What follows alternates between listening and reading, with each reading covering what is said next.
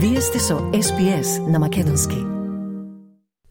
На SPS Audio на Македонски со вас е Маргарита Василева.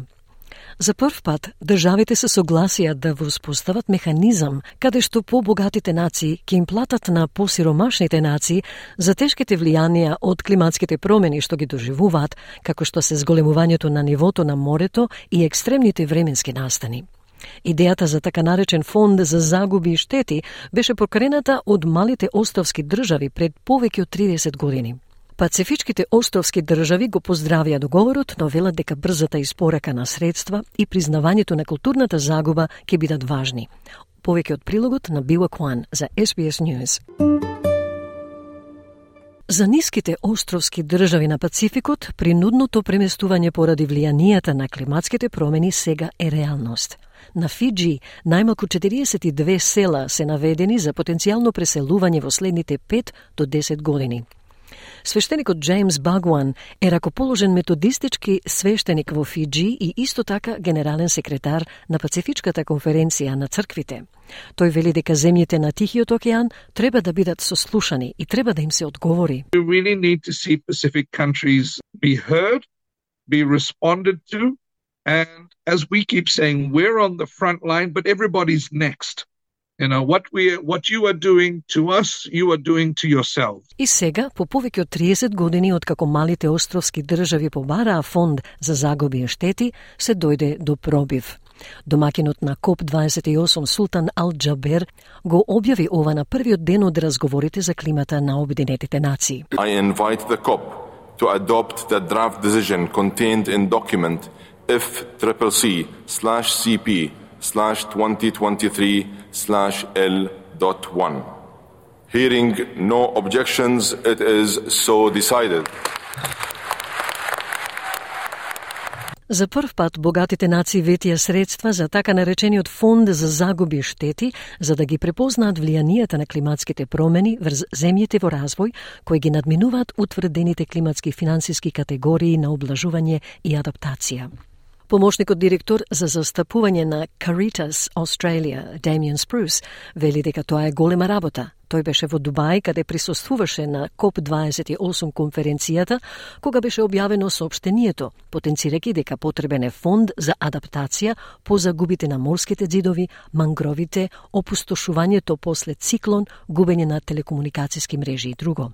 Доколку нациите не бидат во состојба да се справат со загубите, тогаш климатската криза станува социјална, економска и здравствена криза, вели Спрус. So you need a loss and damage uh, fund that will be able to get in there and provide that resources quickly to address those big, large scale issues. Because otherwise, if you don't have that, then a climate crisis becomes an economic crisis, becomes a social crisis, becomes a health crisis. Во 1992 година клучниот концепт на она што се нарекува заеднички, но диференцирани одговорности беше одобрен од државите како дел од меѓународниот договор за животна средина, а рамковната конвенција на Обединетите нации за климатски промени, матечниот договор на Парискиот договор од 2015 година. Идејата признава дека земјите во развој, како малите островски држави, го носат товарот од влијанијата на климатските промени, како што е зголемувањето на нивото на морето, иако тие емитирале многу малку од глобалните историски емисии.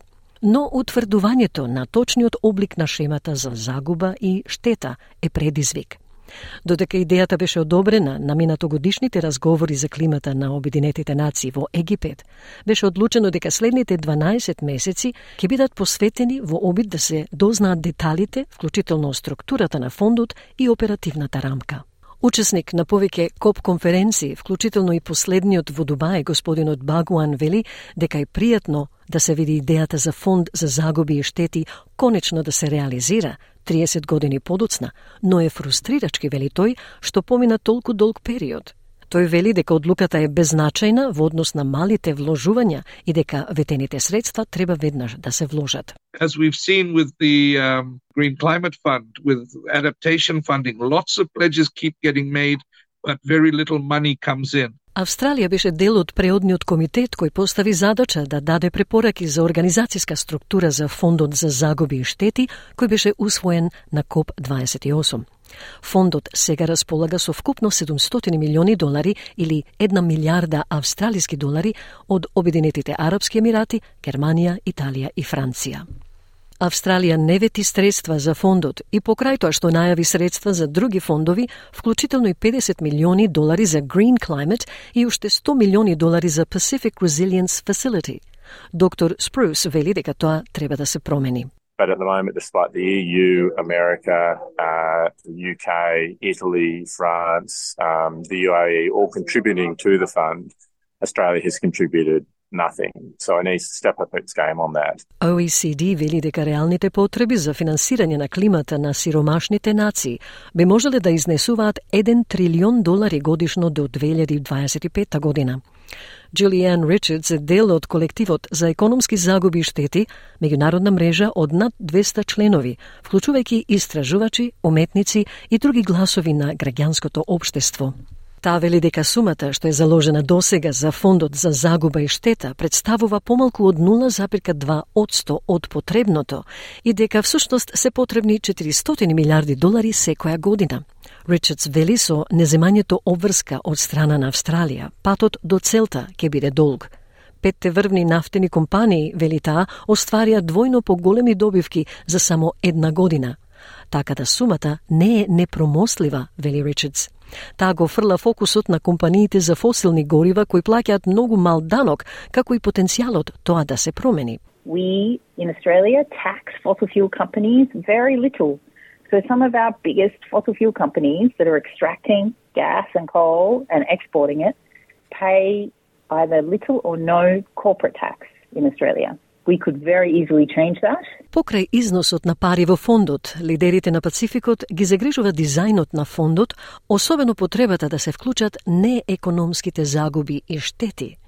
Протоереот Багуан вели дека овој фактор е критичен поради што неекономските загуби и штети се клучна грижа за многу островски земји во Пацификот, во контекст на културната и духовната траума што ја доживуваат заедниците од влијанието на климатските промени.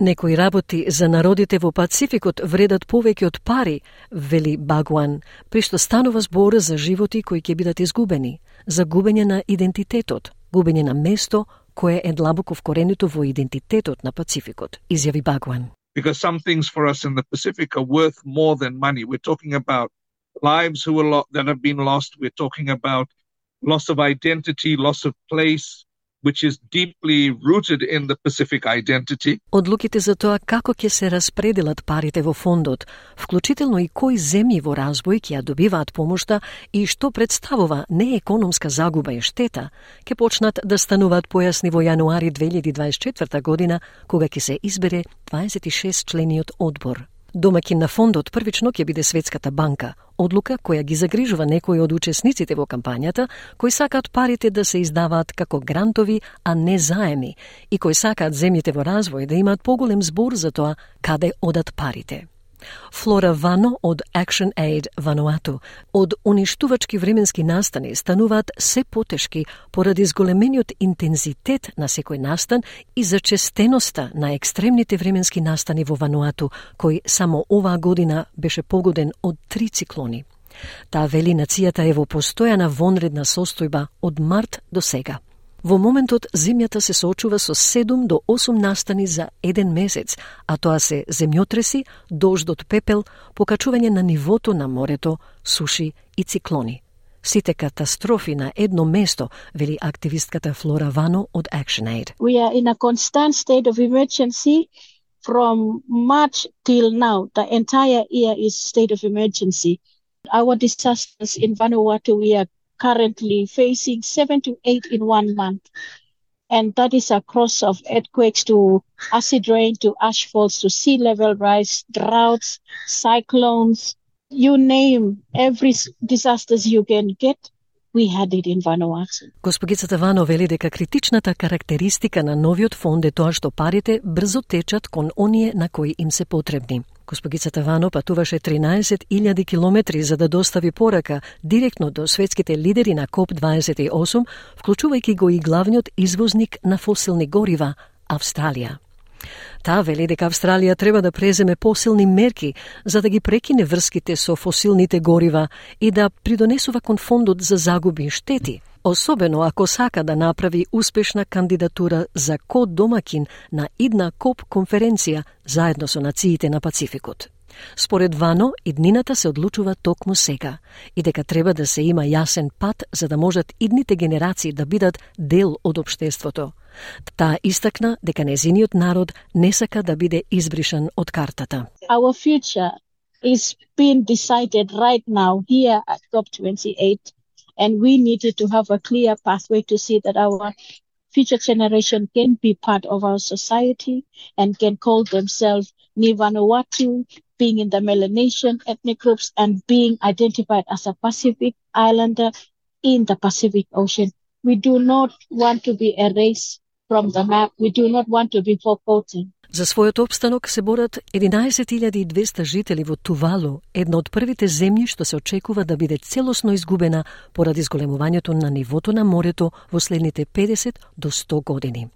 За време на исклучително висока плима, околу 40 од главниот остров е преплавен со морска вода. Поранешниот министер за надворешни работи на Тувалу, Саймон Кофе, пред две години им се обрати на водачите на КОП, додека стоеше до колена во вода.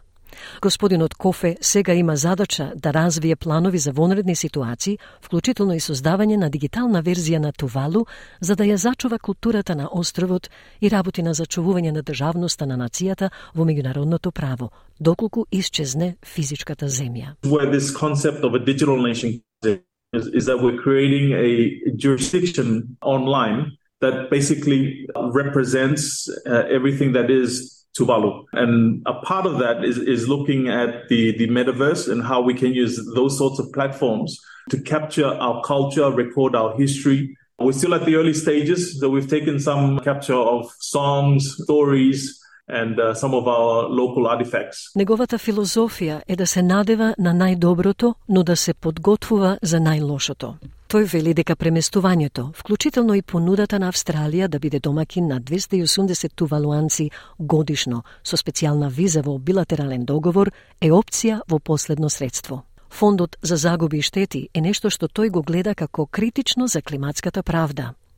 Поранешниот министер за надворешни работи Саймон Кофе вели неговиот народ многу малку има придонесено за проблемот, но сепак се соочува со целосниот товар од влијанијата на климатските промени.